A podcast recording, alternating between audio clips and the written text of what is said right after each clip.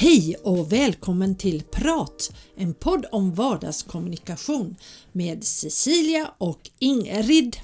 Och jag är Ingrid och jag kommunicerar jämt och ständigt. Mm, det gör Hö- du. Högt och tyst. Och passionerat också. Ja, precis. Det gör vi och eh, vad ska vi prata om idag? Vill du inte prata om dig själv? Att du är Cecilia? Du brukar ju säga det. Ja, det kanske jag ska säga att ja. jag är Cecilia Ja. och jag eh, kommunicerar och jag vill vara den jag är, Cecilia och det är väl det vi ska prata om idag. Ja, då fick du ihop det där med vårt ämne. Ja, lite virrig är Cecilia Mm. ibland. Och ja, det är hon faktiskt. Mm. Men just det här att vara den man är med sina fördelar, fel och brister och tillkortakommande och allt vad det nu är. Det är inte alltid så lätt. Ja, jag skulle säga att det är väldigt svårt. Mm. Därför att jag kan tycka att det, alltså det blir ju lättare även om det låter konstigt. Men, men samtidigt så handlar det om, tycker jag i alla fall för min egen del, att acceptera och förstå att man kan bli kritiserad och att man kan bli ifrågasatt. Mm. Men att det behöver inte betyda någonting. Ja, precis. Det är väl en utav de fördelarna eller den största fördelen kan jag känna att ha blivit lite äldre. Det är att jag vågar mycket mer vara den jag är. När jag var Mm. ung så försökte jag så jag anpassa mig och vara den jag trodde att andra tyckte att jag skulle vara.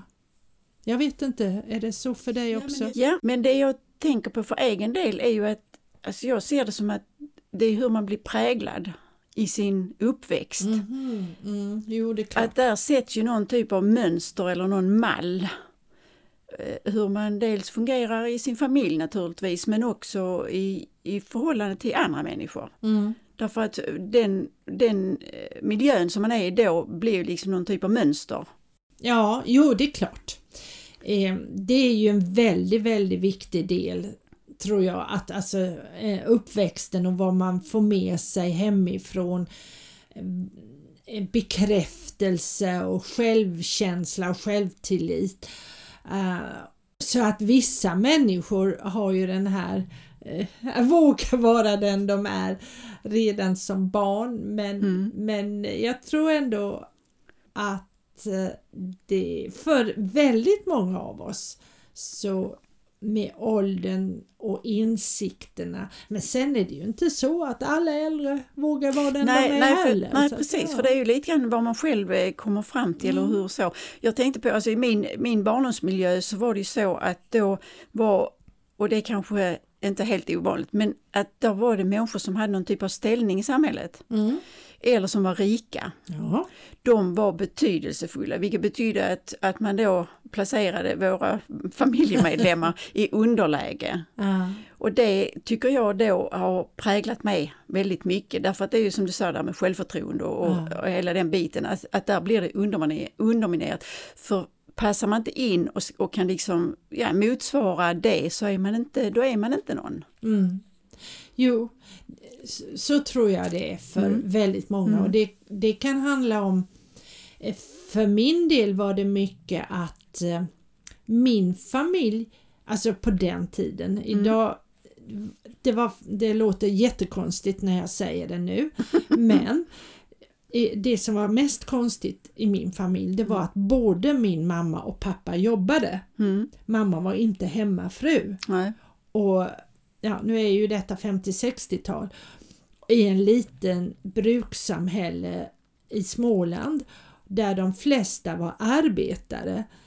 Och vi var inga, inte rika personer, Mm. men, utan det var vanligt, min pappa var lärare och min mamma var sjuksköterska. Men det var lite sådär, hmm, annorlunda. Mm. Bland det är mina klart. skolkamrater. Mm. Och då kände jag att jag inte passade in och de tyckte ni som eh, när både din mamma och pappa jobbar måste ju vara jätterika. Mm. Och det, så det blev något konstigt på det viset. Mm. Och som barn så tror jag för de flesta är att då är det jätteviktigt att passa in och vara en i gruppen mm. för vi, då håller vi ju på och letar efter vår egen identitet. Vem är jag? Och allt sånt här och det tar ju sin tid. Så att det är väl det som är kanske ganska normalt utveckling hos en människa. att När vi är barn så, så håller vi på med det här sökandet och sen eh, är det lite olika när vi hittar hittar om vi, och om vi hittar vem är jag? Mm. Och egentligen, det är kanske det som är det mest spännande med att vara människa. Hittar vi någonsin, även om jag känner mig ganska tillfreds med mig själv idag, så är jag inte säker på att jag vet exakt vem jag är ändå. Jag upptäcker ju nya saker hos mm. mig själv, mm. Även i 60-årsåldern mm. och det, ja. det tycker jag samtidigt mm. ganska häftigt ja, ja, att göra. Du berättade om din eh, barndom, så mina föräldrar var då eh, eh, lantbrukare och egna företagare. Mm. Och även om det på den tiden, alltså det finns ju fortfarande arrendebönder. Ja. Och, och då var det liksom en lägre klass ah, om man just. inte ägde sin gård Jord. och så. Mm. Så, att, så det var mycket så, men jag tror ändå att den präglingen gör och tänker man inte på det mm. så är det ju inte så lätt att förändra eller tänka efter, ja men hur är det nu? Mm. Det, det var ju då, mm. nu är nu. Mm. Och, det, och det gör man inte när man är ung för då har man ju så mycket annat man ska pyssla med och liksom jobba och skaffa barn och familj och så. Mm. Så det blir liksom när man har hunnit en bit i, i sitt liv så att säga man hinner reflektera eller titta över. Mm. Mm. Jo, så är det säkert. Eh. Men att vara den man är, alltså det, jag vet inte, jag, jag tror att jag är det ibland. Mm. Ja, det, det är du säkerligen. och eh, det, jag vet inte Ibland är det så ja, jag måste få vara den jag är. Men är du den du är, tro att du är. Mm. Eh, ibland kan det bli nästan en slags, mm, vad ska man säga, kamp. Mm. Eh, och, ja, ja, det är svårt det där. Vem är jag, vem är du och att vara den man är.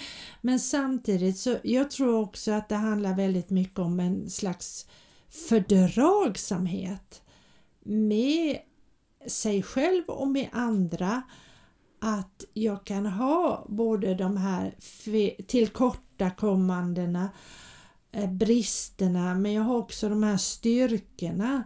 Att kunna att träna sig att se ja, det här, det här är jag faktiskt stolt över. Jag är faktiskt duktig på att hålla ordning och reda eller ha struktur i livet eller ja men ja, nej okej, okay, jag är inte så bra på det men jag är bra på någonting annat och det här vill jag kanske bli bättre på och det där tycker jag är okej. Okay. Alltså att titta på sig själv och våga se på sig själv med en med varma kärleksfulla ögon och öron på något sätt. Ja det är ju, det är ju en övning i sig. Ja det är det. Men jag kan ju känna för egen del att trygghet, mm. att vara trygg med sig själv. Ja.